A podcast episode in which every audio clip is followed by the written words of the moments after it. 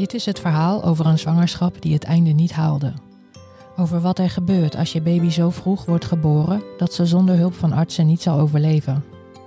Het gaat over de baby's die vechten voor hun leven en over de ouders die zich staande moeten houden in alle emoties. Over verwachtingen die niet uitkomen en over de periode erna. Podcast Prematuur gaat over de helden van het eerste uur. Ik ben Vanessa. Welkom bij Podcast Prematuur. ook niet te veel zeuren als je hè, zwangerschaps, daar horen kwalen bij. Maar dat bleek dus niet normaal kwaal te zijn. Maar toen wist ik dat nog niet. Hij hoeft niet per se meer te groeien in de buik, maar hij moet rijpen. Dat, dat was het doel. Een van de oorzaken van vroeggeboorte is als een vrouw tijdens de zwangerschap preeclampsie ontwikkelt, of HELP-syndroom. Bij preeclampsie kan je naast een hoge bloeddruk stuipen krijgen in armen en benen. Dat noem je eclampsie. Preeclampsie kan overgaan in HELP-syndroom. Dan is sprake van een verhoogde afbraak van rode bloedcellen, een gestoorde leverfunctie en een tekort aan bloedplaatjes waardoor de bloedstolling ontregeld raakt. Dit heeft direct invloed op de groei van de baby door een verminderde placentafunctie. Een arts houdt goed in de gaten wat het beste moment is om het kindje te halen. Vandaag praat ik met Wieke. Nadat Wieke tijdens haar eerste zwangerschap preeclampsie kreeg, werd haar oudste zoon Stijn geboren met 34 weken. Ze durfde een zwangerschap nog een keer aan, waarop haar jongste zoon Teun werd geboren met 33 weken. Hier is Wieke.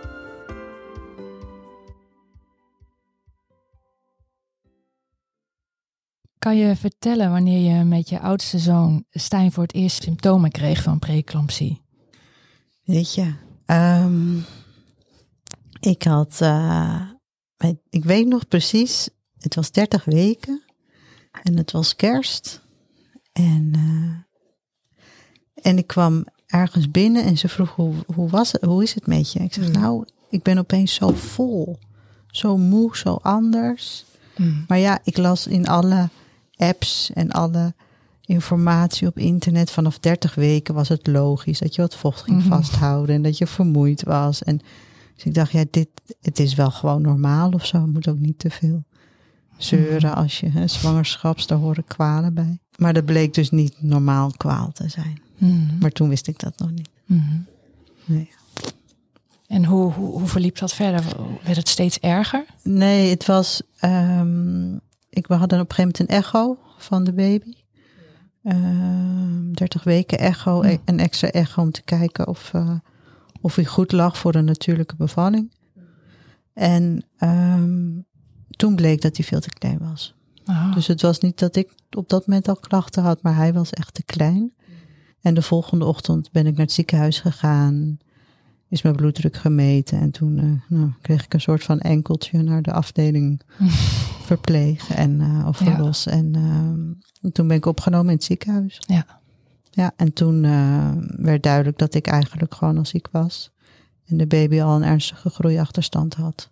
Mm. Ehm, dat mijn placenta niet, eh, nou ja, niet goed functioneerde voor de baby.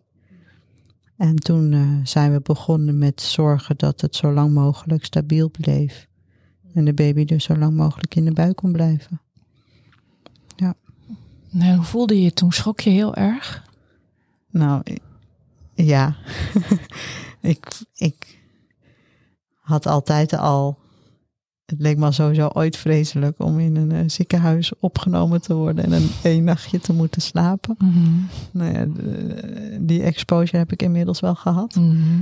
Ehm, ja, ik schrok heel erg. Ik heb nog, ik weet nog, ik had, was de verpleegkundige was bezig met mij op te nemen, maar ik had het zelf nog niet helemaal in de gaten. Mhm. Dus ik vroeg nog of ik maandag weer naar mijn werk toe kon. Ik had toen, ik was, had helemaal nog geen enkel idee wat er aan de hand was. Of wat het perspectief ging worden. Of hoe, hoe, hoe, anders alles, hoe alles anders zou worden. Dat, Mhm. eh, op dat moment was dat nog niet, eh, was ik daar nog helemaal niet van Nee. doordrongen. Gelukkig Mhm. ook maar. En wanneer begon het kwartje te vallen? Ehm, wanneer begon? Nou, ik weet dat ik de eerste paar dagen nog op zich wel oké was. Een soort van, ik kon even uitrusten. zondagochtend hoorden we wel ook dat ik ook die ehm, ook eiwitten al in mijn bloed aan het verliezen was. Dus dan had je, heb je ook al die zwangerschapsvergiftiging erbij. Mhm. Dat was niet goed nieuws, maar ook dat nieuws wist ik ook nog niet hoe ik dat in ernst moest inschatten of zo. Mhm. Ja, ik kende gewoon het hele ziektebeloop niet. Mhm. En, ehm, en op, maar eh, op een gegeven moment ging dat wel, werd dat wel voelbaar hoor. En op een gegeven moment ging ik ook echt klachten krijgen. Mhm. En toen snapte ik het wel, zeg maar. Ehm, als je klachten krijgt, waarbij op een gegeven moment de vrouw, of waarbij je moeder, waarbij het gevaarlijk kan worden, dus dat je inderdaad kans hebt op stuip of epilepsie of infarten, dan ehm, krijg je magnesium toegediend. Is een bepaald medicijn wat jou als, als vrouw beschermt, zeg maar, als moeder. En dat is gewoon een heel naar medicijn. Tenminste, heb ik tenminste als heel naar ervaren. Mhm. Ehm, wat toegediend wordt in een hoge dosis. En een soort, een soort van warmte die er dan door je lijf heen gaat. En ehm, dat was heel heftig. En, en die medicatie heeft in ieder geval bij mij ervoor gezorgd dat ik ook ja, in een soort van afwezigheid kwam of zo. Ik werd er eh, heel sloom van, heel slaperig, heel warm. Mhm. En dan ga je op een gegeven moment wel voelen dat een stijging van je bloeddruk is, is dus gevaarlijk of zo. Die betekenis krijgt het op een gegeven moment. Mhm. En dan wordt het spannend wat je bloeddruk de hele tijd is. En of je, hoe je lijf zich voelt. Ehm, nou ja, en dan, dus dan wordt je, worden alle signalen die je lichaam geeft opeens beangstigend. Omdat het een, eh, een symptoom van, ang- van, van, van gevaar kan zijn. Mhm. Eh, nou, en in dat proces hebben we toen die weken gezeten totdat hij geboren werd. Van goh, steeds bloeddruk meten, steeds van het magnesium op en van het magnesium af. En uiteindelijk gewoon op magnesium gebleven om mij te beschermen en de baby zo lang mogelijk in de buik te houden. Maar door die magnesium ben ik wel in een roes terechtgekomen. En, en, en voor mijn gevoel was ik er niet meer, zeg maar. Ik was niet meer helder. Mhm. Ehm, zo suf. Dus ja, zo hebben we het een beetje overleefd. En tussendoor steeds echo's. En ehm, waarin je kijkt naar of er voldoende toevoer nog naar de baby toe gaat. Mhm. Of hij nog, hij hoeft niet per se meer te groeien in de buik, maar hij moet rijpen. Dat, dat was het doel. Om de baby zo lang mogelijk in de buik te houden. En Mhm. En hoe is de bevalling eh, in gang gezet? nou, ik, we waren heel erg bezig. Hij is met 34 weken geboren. Oké. En, ehm, en 34 weken was weer een bepaalde magische grens. Ehm, waarbij je weer minder kansen had op, op risico of wat dan ook, medisch gezien. En, ehm, en op een gegeven moment was het 33 weken, 33 punt- 33,6, zondagavond. En ehm, daar heb ik dus nog een filmpje van dat we op bed zaten en ik was weer ijsjes aan het eten, want van het magnesium had ik helemaal warme mond en Mhm. keel. En dus ik was, kreeg vaak ijsjes, was ik raketjes aan het eten in het Mhm. ziekenhuis. En ehm, dat we wel, dat mijn vriend en ik elkaar wel aankeken. En ik was heel erg veel vocht had ik vastgehouden. En ik kreeg al tintelingen. En ik was wel, nou, een bandgevoel, alle klachten die daarbij horen. Mhm. Dat ik dacht van, nou, morgen was onze vaste gynaecoloog in het ziekenhuis. Ehm, nou, dan gaan we het wel doen. Mhm. En er was geen sprake meer van dat het een natuurlijke bevalling zou worden. Omdat de baby te kwetsbaar was en ik te ziek. Mhm. Ehm, dus dat was sowieso al een geplande in de zin van het werd sowieso een keizersnede. Mhm. Dus toen maandagochtend, toen kwam de gynaecoloog om negen uur en die zei, zullen we maar? Ik zeg, ja, Mhm. ik ben klaar. Ja. En eh, na een half uurtje lag ik op de OK. En dan was ik heel blij. Mhm. Ja. En, en hoe ging dat? Ehm, nou, dat was niet fijn. Mhm. Ik was heel erg, eh, wat ik zei, ik was ergens al helemaal een beetje afgedreven of zo, zo suf, zo afwezig. Dus ik heb op die elkaar gewoon gewacht totdat het over was. Mhm. Ehm, en die baby werd tegen me aangeduwd, Mhm. als zijnde een kus te geven of zo. Maar ik was helemaal niet bezig daarmee. Ik was alleen maar bezig met wachten tot het over was. Ja. Ik was echt heel erg ziek. En, ehm, en ook daarna, ik was helemaal niet in staat om al bezig te zijn met de baby. was bezig met mezelf. Nou, ergens reguleren om er te bij te blijven of zo. En ik heb smiddags heb ik morfine gekregen voor de pijn, voor de keizersnee. Het was ervoor dat ik had bedacht dat, dat ik het zou krijgen. En ik ben daarin zo afgez... eh, ergens in verdwenen. Mhm. In, eh, in een roes of zo, wat ook wel beangstigend was. Die dagen daarna ook was ik helemaal niet in staat om echt naar de baby te gaan. Mhm. Of om te gaan kolven. Ik lag op bed. Ik kon ook nog niet mijn bed uit. Ik voelde me ontzettend schuldig naar de baby toe. Ik dacht, oh jee, de hechting komt niet goed. Mhm. Eh, ja, dat was echt een hele heftige tijd. Mhm. En eh, ik kon ook gewoon mijn bed niet uit. Werd er te duizelig van. Mijn bloeddruk die ging van hoog naar laag. En, en die was nog, moest echt nog stabiliseren. Er was zelfs een dag dat ik me zo angstig voelde dat het me gewoon niet lukte om met, de, met het bed naar de, naar de afdeling te gaan waar de baby was. Dat ze zelfs met de baby met de couveuse en al naar mij toe zijn gekomen s'avonds. Omdat het echt zeg maar in het protocol zit. Moeder en kind moeten elkaar in ieder geval elke dag even zien. Dus ik denk dat ik in de Mhm. eerste week mijn baby misschien bij elkaar vier uur heb gezien. Mhm. En Ze kwamen met couveuse en al naar Ja. jouw kamer. ja, ja. Dat heb ik nog niet eerder gehoord. Nee, nee. Het lukte mij gewoon niet hoe ik me op dat moment voelde om naar de baby toe te gaan. Ik weet niet wat kraamtranen zijn, maar dit waren geen kraamtranen. Dit waren oevers die continu aan het overstromen waren. Ik was alleen maar aan het huilen. Mhm. En eh, ja, dus dat vond ik wel bijzonder. Maar daar voelde ik me vervolgens ook natuurlijk meteen schuldig Mm. over. Dat die baby de reis moest maken. Dat mij niet lukte.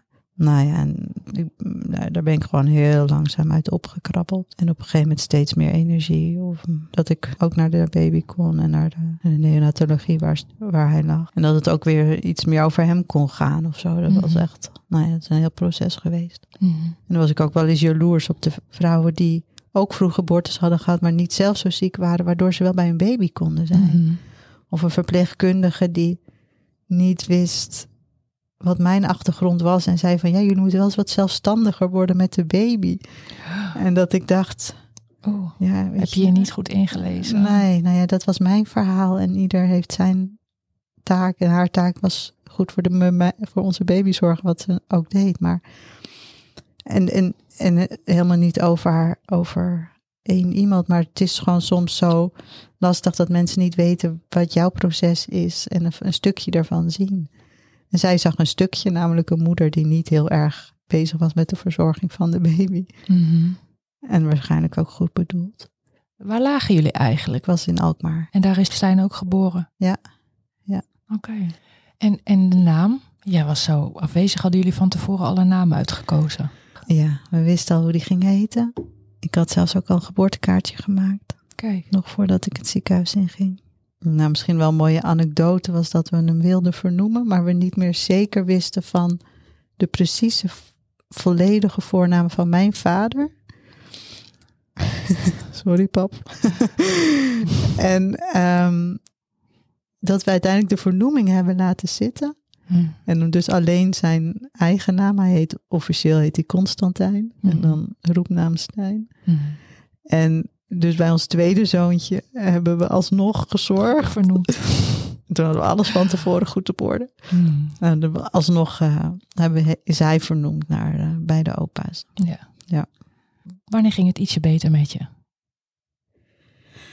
Nou, twee momenten. Het moment dat ik uit het ziekenhuis was. Toen was ik thuis. Mijn eigen plek, mijn eigen sfeer.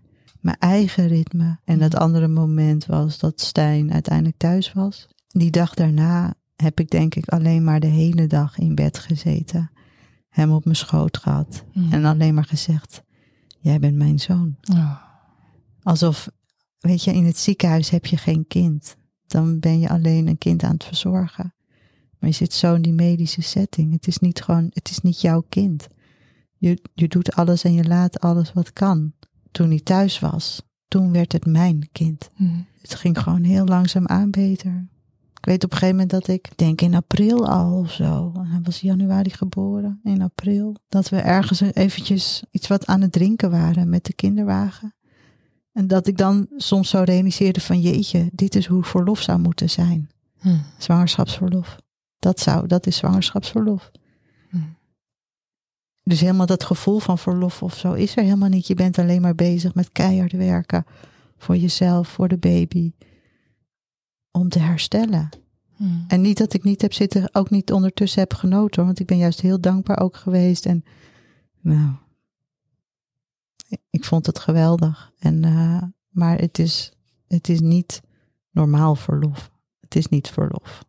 En, en hoe ging het met Stijn in het ziekenhuis? Nou ja, Stijn heeft het eigenlijk alleen maar heel fantastisch gedaan. en eh, ik denk inderdaad, bij ons was de spannendste periode ervoor hoe lang we de goede plek voor Stijn konden behouden in de baarmoeder. Hmm. En Stijn heeft het echt alleen maar goed gedaan. Het is zo'n mooi knap mannetje. En hij kon heel snel van de. Hij heeft longrijpingsprikjes gehad, waardoor zijn longen beter konden rijpen voordat hij op aarde kwam. En ehm zij heeft maar twee dagen, anderhalve dag aan de vloog gezeten. Hmm. En hij was ook veel sneller dan uitgerekende datum thuis. En tuurlijk heb ik me juist heel erg. Ik heb me zo, zo schuldig gevoeld dat ik hem niet langer de tijd heb kunnen geven in mijn buik. Het voelde echt als een falen. Maar ergens voelde ik dat met hem oké was. Dus hoe, hoe gek.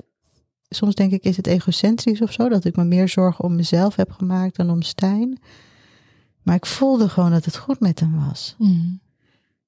En ik denk achteraf, hij, hij heeft echt wel iets gemist. Hij heeft het echt wel, hij is echt wel alleen geweest. En weet je, dat ik denk, zo'n kindje die gewoon hoort gewoon in je buik en die zit gewoon in die couveuse. En ik ben zo weinig bij hem geweest. De eerste paar weken.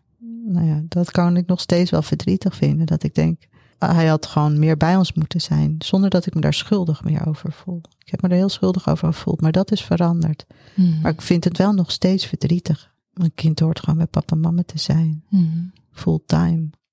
En niet een paar uur per dag. Klinkt ook alsof je een enorm offer hebt gebracht. Met het gevolg dat het zo goed met hem ging.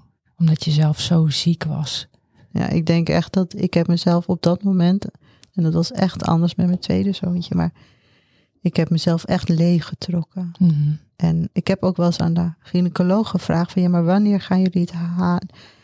Wanneer is het genoeg als het met mij, als ik het niet meer red? Maar dan, wat me ook wel puzzelt soms, is, weet je, ik ben zo dankbaar voor de medische wereld die wij hebben. Alleen het is wel, de medische wereld is medische wereld. En psychisch vond ik het echt mega zwaar. Hmm. Ehm, dus soms dacht ik ook, oké, misschien haal ik het medisch nog, maar haal ik het, hoe lang haal, houd ik dit psychisch vol? Hmm. Ja, dan zei de gynaecoloog, nou ja, dan, dan- dan, krijg je nog een pilletje, een Ja. oclosopammetje of, eh, of wat dan ook. Ja, Mhm. ook prima, maar, dus, eh, maar het ging gewoon om het medische stuk. En achteraf ben ik blij hoor, dat we zo lang Stijn in de buik hebben kunnen houden. Want nou ja, hij heeft wel gewoon elke, elke keer, hij kon blijven rijpen. En eh, Hmm. daardoor is hij op de wereld gekomen zoals hij nu goed is. Maar het waar ik nog over nadenk. Hmm. En hoe was dit alles voor je vriend? Nou, mijn vriend was echt mijn held. Hij is bij mij gebleven. En toen Stijn was geboren, hij had helemaal niet per se een besef dat hij klein was. Hij was gewoon vader. Hmm. En hij was gewoon beren trots, want Mhm. hij had het allermooiste wezentje op aarde. Hmm. Dus voor hem was het heel raar, want aan de ene, hij wilde alleen nog maar bij Stijn zijn. Hij is ook heel veel bij Stijn geweest. Gewoon naast hem gezeten, naast de couveuse. En Hmm. Tegelijkertijd was zijn vrouw of zijn vriendin die daar nog ziek en verdrietig en, scha en vol met schuld in bed lag. Hmm. Ehm, en toen, ik, toen de baby nog in mijn buik was, was het anders. Toen kon hij gewoon bij moeder blijven. Maar ik denk, hij kende alle verpleegsters bij naam. Hij wist precies hoe Hmm. alles ging. Hmm. Hij was er gewoon en hij stond. Ja. En hij pakte gewoon helemaal zijn rol. En daar ben ik heel dankbaar voor geweest. Dat hij in ieder geval nog, wat ik op dat moment ook niet allemaal kon, dat heeft hij echt, daar is hij echt voor gaan staan. Hmm. En je zou denken, dan heb je zoveel ellende achter de rug. Zo ziek geweest. En dan krabbel je op. En toen was er toch de wens Ja. voor een tweede kindje. Ja, en ook dat is wel bijzonder. Dat is, ik had altijd het, altijd eh, het idee dat ik één kindje zou krijgen. Hmm. Maar mijn vriend die wilde heel graag twee kindjes. Hmm. En op een gegeven moment dacht ik, oké, dan ben ik het in ieder geval. En ook hoe hij als vader was en is. zo betrokken en aanwezig en het echt samen doen. En, en ik kon echt op hem bouwen. Dacht ik, oké, ik ben het in ieder geval aan je verplicht om, om het nog een keer te voelen. Mhm. Of ik het wil. En dat heb ik gedaan. En, eh, en we hebben het er wel echt wel over gehad. Van jeetje, wat als het nog een keer gebeurt? Mhm. En we zijn gaan inlezen. Ik ben naar, naar de gynaecoloog gegaan. Het zou een tweede keer, in medisch gezien heb je meer kans dat het beter gaat Mhm. dan de eerste keer. Dat je later een hogere bloeddruk krijgt, dat je minder prematuur geboren, dat er minder afwijking eh, in de groei zou zijn. Mhm. Ik denk dat heel erg heeft meegespeeld dat Stijn uiteindelijk gewoon helemaal oké was, zeg maar. Dat we er ook helemaal goed uit zijn gekomen. Mhm.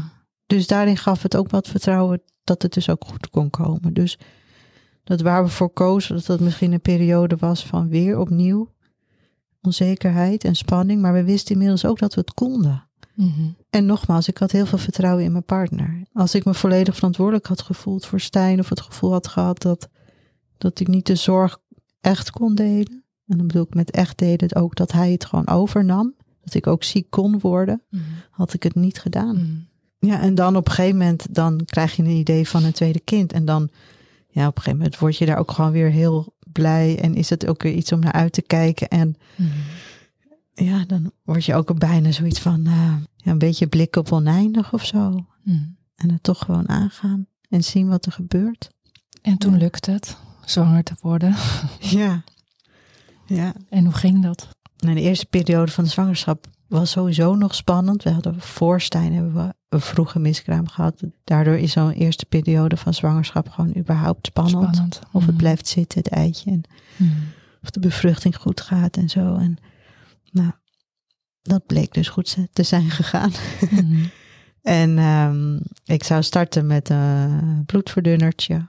In, in de kans dat dan eh, de, de aanmaak van de placenta beter zou zijn. En eh, nou ja, vanaf dat moment veel controle, afspraken in het ziekenhuis. En ja, ik denk in de eerste periode, in ieder geval voor 20 weken, heb ik ook echt wel geprobeerd om het van me af te zetten. En ook gewoon van te genieten. Mhm. Maar wel vanaf het moment ben je wel gewapend of zo. Alles was klaar. Dat was denk ik al bij, nou misschien 4, 25 weken was alles klaar. Want Mhm. ja, bij Stijn had ik, ik heb gewoon van die hele kleine dingen. Maar ik heb, hij heeft voor het eerst de kleertjes aangehad van het ziekenhuis. En niet mijn kleertjes Mhm. die ik voor hem had gekocht. Mhm. Ja, hoe belangrijk is het? Nou, voor mij was dat dus heel belangrijk. En dat ging me echt niet nog een Nee. keer gebeuren. Nou ja, dat soort gekkigheid. Het ziekenhuis probeerde ons gerust te stellen, want we waren wel echt bezorgde ouders en ook echt wel gespannen voor hoe het ging. Op een gegeven moment, ik ging thuis, me- mat ik, eh, meet ik mijn bloeddruk en op een gegeven moment was mijn bloeddruk inderdaad te hoog. Dat was op een zondagavond en toen had ik echt geen zin om het ziekenhuis te bellen. Want ik dacht, als ik nu weer het ziekenhuis ga bellen, daar gaan we of zo. Ik weet niet, ook nog een soort van ontkenning. Mhm. Toen was ik op maandagochtend was ik op, bij me, op mijn werk. En eh, nou, toen heb ik door maar het ziekenhuis gebeld. Zei ze, nou komt u maar meteen dan. Nou, ik heb opgehangen, ik was alleen maar in tranen. Ik denk, Mm. oh nee. Ik denk dat dat een van mijn grootste teleurstellingen was. Terwijl dat helemaal niet het heftigste moment was van alles objectief wat we hadden meegemaakt. Maar vanaf gewoon het moment dat je, nog, dat je eigenlijk hoopt een normale zwangerschap te hebben. En toen was het 4, 25 weken of zo. Nou, op zich was het toen nog wel oké hoor. En, en we hebben het nog drie weken of zo thuis uitgezongen. Met wel steeds een paar keer acuut naar het ziekenhuis. En medicatie en eh echo's alweer. Mhm. En veel spanning. En ik ben niet meer naar mijn werk geweest. Je hebt zo weinig controle op wat je lijf doet. En alles wat ik zelf kon doen of zo, heb ik geprobeerd te doen. Dat was mijn verplichting aan het kindje. En ehm, dus daarbij hoort ook zoveel mogelijk zorgen voor ontspanning. Dat het in ieder geval niet door mij kwam. Dat de bloeddruk nog hoger werd of zo. Ja. Dus toen begon het spektakel, zeg maar. Mhm. Ja.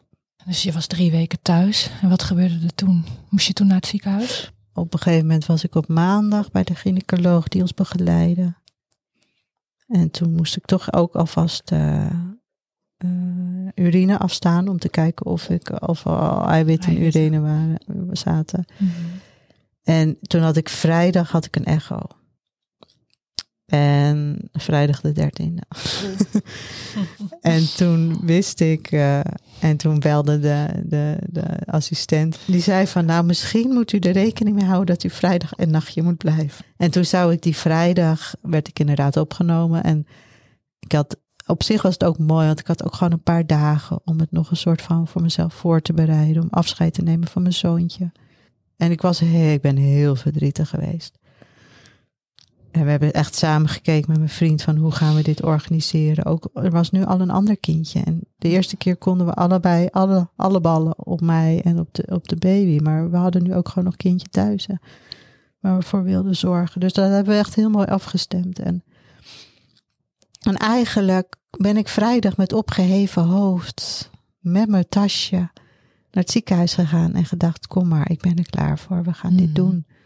Zo van, we gaan dit varkentje wassen en we gaan, we gaan ervoor. En, eh, maar zoals ik dus de vorige keer, de eerste keer zo onbevangen, onbevreesd, niet wetend Mm. het ziekenhuis ging, was dit zeg maar helemaal tegenovergesteld.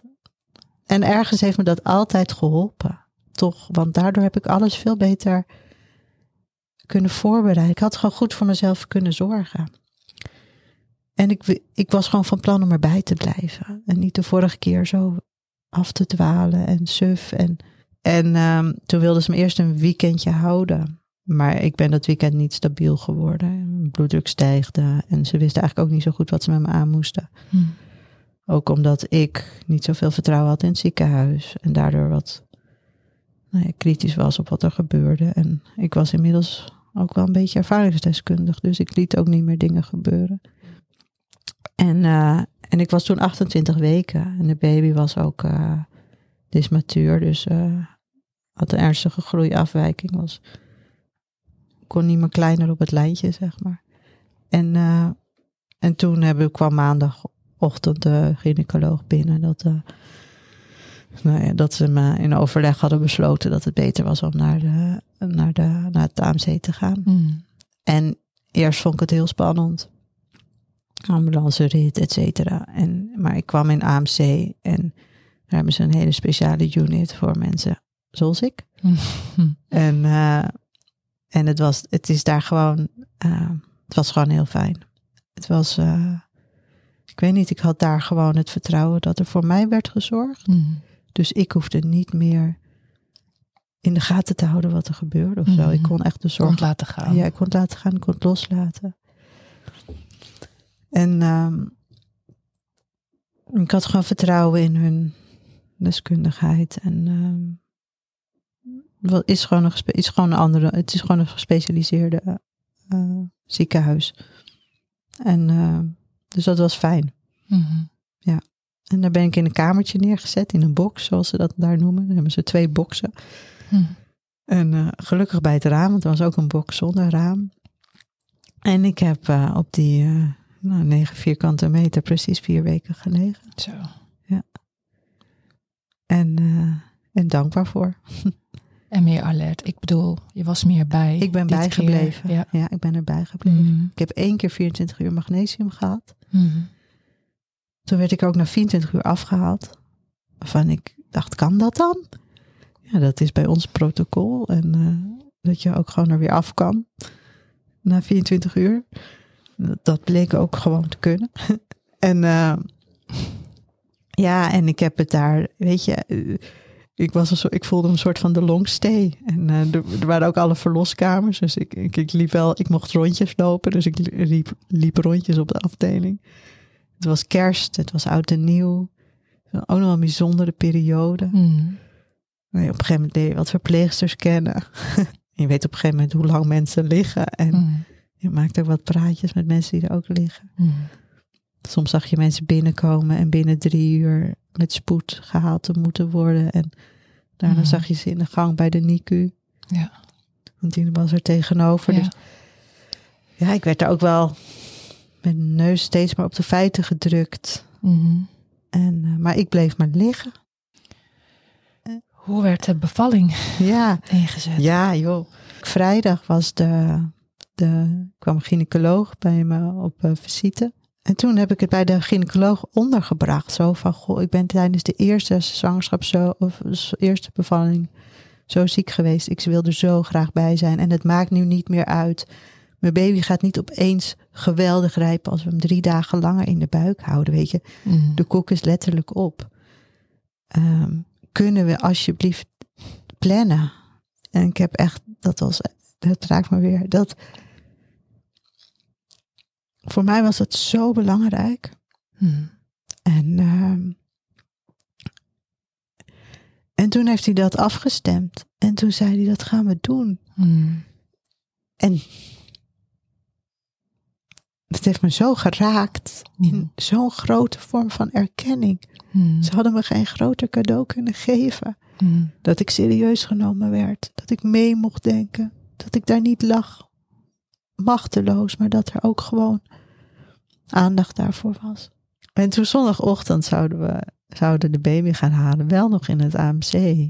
Omdat hij wel nog... Hij zat onder geschat geboortegewicht van 1250 gram. Mm. Eh, dat was dan zeg maar criteria om naar streekziekenhuizen, zeg maar naar Alkmaar weer terug te gaan. Mm. Dus ze wilden hem toch op de NICU eh, opvangen. Maar toen zondagochtend was ik nuchter en mijn vriend had al zijn eh, operatiepak aange aangehad. En nou ja, en het werd uitgesteld en het werd uitgesteld. En op een gegeven moment om 11 uur of 12 uur kwamen ze. Er was geen plek op de NICU. Er was wel plek op de, Okay. Op de OK, maar ze konden gewoon de baby niet opvangen. En uh, nou, wat we wilden naar NICU, andere NICU, dus uh, naar VU. Mm. Ja, of ja, tja, joh, goh, je hebt, het, je hebt de 32 weken gehaald. Je zou eventueel terug kunnen naar Alkmaar. En toen mijn vriend en ik keken elkaar aan en zeiden, ja, dat gaan we doen. Ja, weet nu erover nadenken? Nee, hoeft niet, is oké. Okay. Mm. Weet je, we hebben het hier gehaald. De spannendste periode was zo lang mogelijk de baby in de buik houden. En nu kunnen we wel gaan. Dus toen ben we met de ambulance naar, die waren echt binnen een half uur wop, wop, alle spullen ingepakt. Maar dat is zo bizar, want je bedenkt dus dat je daar op dat moment keizersnee gaat hebben. Dat je kindje daar geboren werd. En binnen een mm. half uur zat ik in de ambulance en uh, gingen we weer terug naar Alkmaar. Mm. Uiteindelijk heel fijn, want daardoor heeft de baby niet in de ambulance hoeven zitten naar Alkmaar. Mm. En toen kwam ik in Alkmaar. En toen kwam nog een gynaecoloog naar me toe. Die zei van, ja, maar waarom wordt de baby vandaag gehaald? Want hè, het kan ook nog wel iets kunnen er nog, uh, ja, je bent nog niet zo heel ernstig ziek. Toen zei ik, nee, nee, nee, nee, nee, nee, nee, nee, nee. Deze nee. discussie gaan we niet nee. meer voeren. Nee. Dit hebben we gehad. We gaan vandaag echt de baby halen. Morgenochtend is ook prima. maar dit is het. Mm. En uh, dus toen hebben ze, dat hebben ze gedaan hoor. En uh, dus om zeven uur s avonds, toen was er nog even geen plek op de OK. Dus om zeven uur s avonds is, uh, is de baby geboren. Mm. En ik was de hele dag nuchter. En het was echt de meest bizarre dag. Niet de meest verdrietige dag, helemaal niet. Mm. En ik was zo blij dat de zwangerschap ging stoppen. Mm. Ja, omdat we de baby gingen halen. En dat ik nog in deze staat was. Want daardoor was ik meteen als moeder. Ik was er gewoon bij. Mm. En ik kon daarna ook gewoon meteen er voor mijn baby zijn. Mm.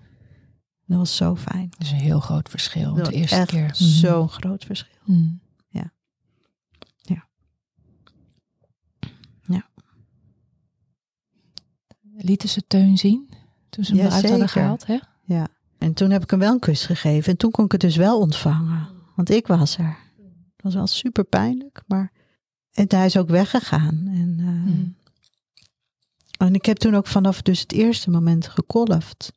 Ik ben om zeven uur bevallen, zeg maar. En de volgende ochtend om twaalf uur was ik al gedoucht en uit me. En zonder katheter en alles. Mm. En dat ze zeiden van, goh, je bent wel een snelle kraamvrouw. En dat ik dacht, en de vorige keer heb ik er een week over gedaan. Toen kreeg ik soms het idee dat, dat ik te traag was. Of dat ik te me aanstelde of zo. En dat ik dacht van, nee, zo ben ik niet. Er was echt wat aan de hand. Mm. Zie je wel. Of zo. Het was steeds ook iets van, iets, een corrigerende, helpende ervaring. Dat, dat alles wat me toen niet gelukt was, de eerste keer, dat dat me nu gewoon wel lukte. Mm. Ik heb ook gewoon kunnen kolven. En uh, op een gegeven moment is dat ook wel een probleem geworden, maar niet op dat moment. En, en ik kon gewoon naar mijn kindje toe. En uh, ja, Dus dat was zoveel fijner. Mhm. En hoe ging het met Teun? Ja, nou ja, Teuntje heeft het wel iets lastiger gehad, maar nog steeds niet echt momenten dat we ons ernstige zorgen over hem hebben hoeven maken. Mhm. Ook hij had het longrijpingsprikje gehad en kon redelijk snel van de flow af. En ehm, heeft eigenlijk geen incidenten laten zien. Ehm, groeide iets minder hard dan, eh, dan Stijn. Mhm. Maar ook dat, het, een, hij- het enige wat hij heeft gehad is één keer een infectie van het, van het infuusje. Waardoor hij nog een Mhm. weekje een langer antibiotica moest hebben. Mhm. Ik denk dat dat echt de enige tegenslag is. En het duurde wat langer voordat hij zelfstandig flesjes kon drinken. Maar alles gezien zijn geboorte. ehm, en hij was echt wel heel klein weer. Hij was ook al. Dus hij heeft wel gewoon moeten groeien. En eh, Mhm. Want hoe lang heeft hij gelegen in het ziekenhuis? ja, joh, weet je, het vervaagt zo.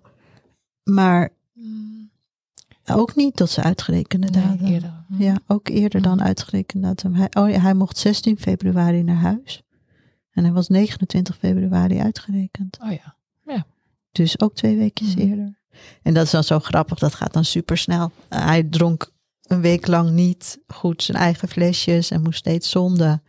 Nou, en hij drinkt 24 uur per ongeluk flesjes zonder eruit. En eigenlijk twee dagen later dan, eh, dan mag hij mee naar huis. Mhm. Eigenlijk mocht hij die dag bij wijze van spreken mee naar huis. Mhm. Dat we dachten, ho, ho, nee, ho, ho, wacht even. Dat gaat ons even te snel. Mhm. En, eh, en toen mocht hij naar huis en dat was natuurlijk een cadeau. Mhm. Ja. En dan, dat is zo gek, dan ontmoet hij dus pas zijn zoontje Ja, of zijn broer. Broer, ja, ja, ja. Ja, die Gek heeft hem dat, niet gezien. Ja, Want die mag niet komen. nee. En, en ook, ik denk ook niet dat het voor niemand helpend was geweest. Dat was alleen voor ons ouders geweest. Dus dat was echt eh, bijna. Dus dat is prima. Hij was, eh, hij was twee. Dus ik weet niet wie je daar dan een plezier mee doet om een kind van twee naar een ziekenhuis te nemen met allemaal slangetjes en piepjes Mm. en eh, gekkigheid. nee. Nee, dus. eh, maar toen werd, werd ons gezin compleet. Ja. Ja. Ja. Ja, en in, ik was gewoon al helemaal anders. Nou, niet beter, maar wel al veel beterder. Zeg maar. Mhm. en, dus dat was echt wel, echt wel veel meer plezier en geluk, zeg maar. Mhm. Ja. En hoe gaat het nu met de jongens? Merk je iets eraan dat ze ja, te vroeg zijn geboren? ja, ik denk wel bij Stijn. Ja? Ja. En eh zijn we ook mee bezig met eh, toch wel wat hulp te vragen in. Stijn is gewoon heel gevoelig vanaf baby af aan. Mhm. Alsof zijn zenuwstelseltje anders afgestemd is. Geluiden, Mhm. ehm, onverwachte gebeurtenissen. Kindjes die onvoorspelbaar zijn. Wat eigenlijk alle kindjes dus zijn. Mhm. Ehm, dat is echt van jongs af aan. Dat is niet later gekomen. Mhm. En eh, Stijn had ook veel meer moeite om zich te reguleren met slapen toen hij baby was. Veel meer gespannen. En bij Teun was het, is het ook anders. En dat weten we, hij is, Teun is nu één, dus in die zin moeten we ook nog zien hoe die zich verder ontwikkelt. Eh, maar bij Teun zag ik na vier dagen in de couveuse, dacht ik al, oh jij bent anders. Mhm. Vond ik zo bijzonder dat je Mhm. zo, zo, hij was gewoon minder schrikkerig. Mhm. Hij lag veel kalmer. En Stijn was gewoon heel schrikachtig. En dat is hij nog steeds. En eh, hij wordt natuurlijk wel groter, dus dat verandert wel in zich hoe, hoe, hoe zich dat uit in zijn gedrag. Maar eh, ja, dat heeft hij nog steeds. Ja. Dus ik ben ook benieuwd hoe, hij, hoe hij zich daar weer verder in gaat ontwikkelen. In dat sociaal-emotionele met... Nou ja, moet op een gegeven moment gaat hij straks naar een basisschool. En eh, Mhm. moet hij zich ook verhouden in de grote boze mensenwereld. En Zeker. het is een pintermannetje. Mhm. En eh, met een sterke wil. Tot slot, Ja. wat zou je ouders van prematuren willen meegeven? Nou, stap er niet overheen. Het is zo'n race. En je wordt zo geleefd. En op een gegeven moment ben je inderdaad thuis. En als het dan goed gaat, moet je blij zijn dat het weer goed gaat. En dat is ook iets om heel blij mee te zijn dankbaar. Alleen wees voedend voor jezelf, wat je ook daarna nodig hebt. Mhm. Ja, want dat verdient het echt. Mhm. Het is echt niet vanzelfsprekend dat alles goed gaat. Mhm. Wieke was heel erg ziek en vervolgens zo dapper om het proces nog een keer aan te gaan. Wel met de hoop dat het beter zou gaan de tweede keer, maar met de dreigende donkere wolk dat het niet zo zou zijn. De tweede keer werd ze nog eerder in de zwangerschap ziek. Maar dit keer was ze beter voorbereid, ingelezen en assertiever, wat haar een betere ervaring gaf. Ik vond het moeilijk om te horen hoe schuldig ze zich had gevoeld jegens de baby. Met het offer dat ze beide keren had gebracht om de jongen zo lang mogelijk in haar buik te houden, had ze juist het omgekeerde moeten voelen. Maar dat is een moederhart. Wieke voelde pas thuis met haar zoon op schoot dat ze een zoon had. In de medische setting in het ziekenhuis is het samen zijn met je kindje in de couveuse allesbehalve gezellig te noemen. Het is inderdaad vooral medisch. Je zit naast hem op een kruk omdat je dat wilt, maar ook altijd in de wetenschap dat het hem gaat helpen beter te worden en groot te groeien om naar huis te kunnen. Naar huis, waar we pas echt gaan mogen knuffelen. Die verwachting had ik zelf ook. Ik hield me er ook aan vast tijdens moeilijke momenten. Knuffels waren er bij Wieke thuis in overvloed. Maar ze konden niet helemaal de gevolgen van de vroeggeboortes wegnemen. Zowel Stijn als Teun zijn hun vroege start aan het verwerken. Stijn heeft nog steeds moeite met onvoorspelbaarheid. En Teun is inmiddels 16 maanden oud en heeft nog geen nacht doorgeslapen. Alsof hij zeker moet weten dat mama in de buurt is. En mama zelf heeft ook nog een stukje trauma te verwerken na haar moeizame zwangerschappen.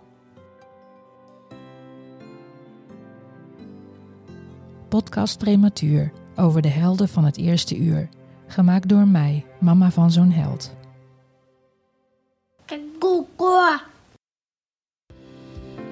Leuk dat je hebt geluisterd naar deze podcast.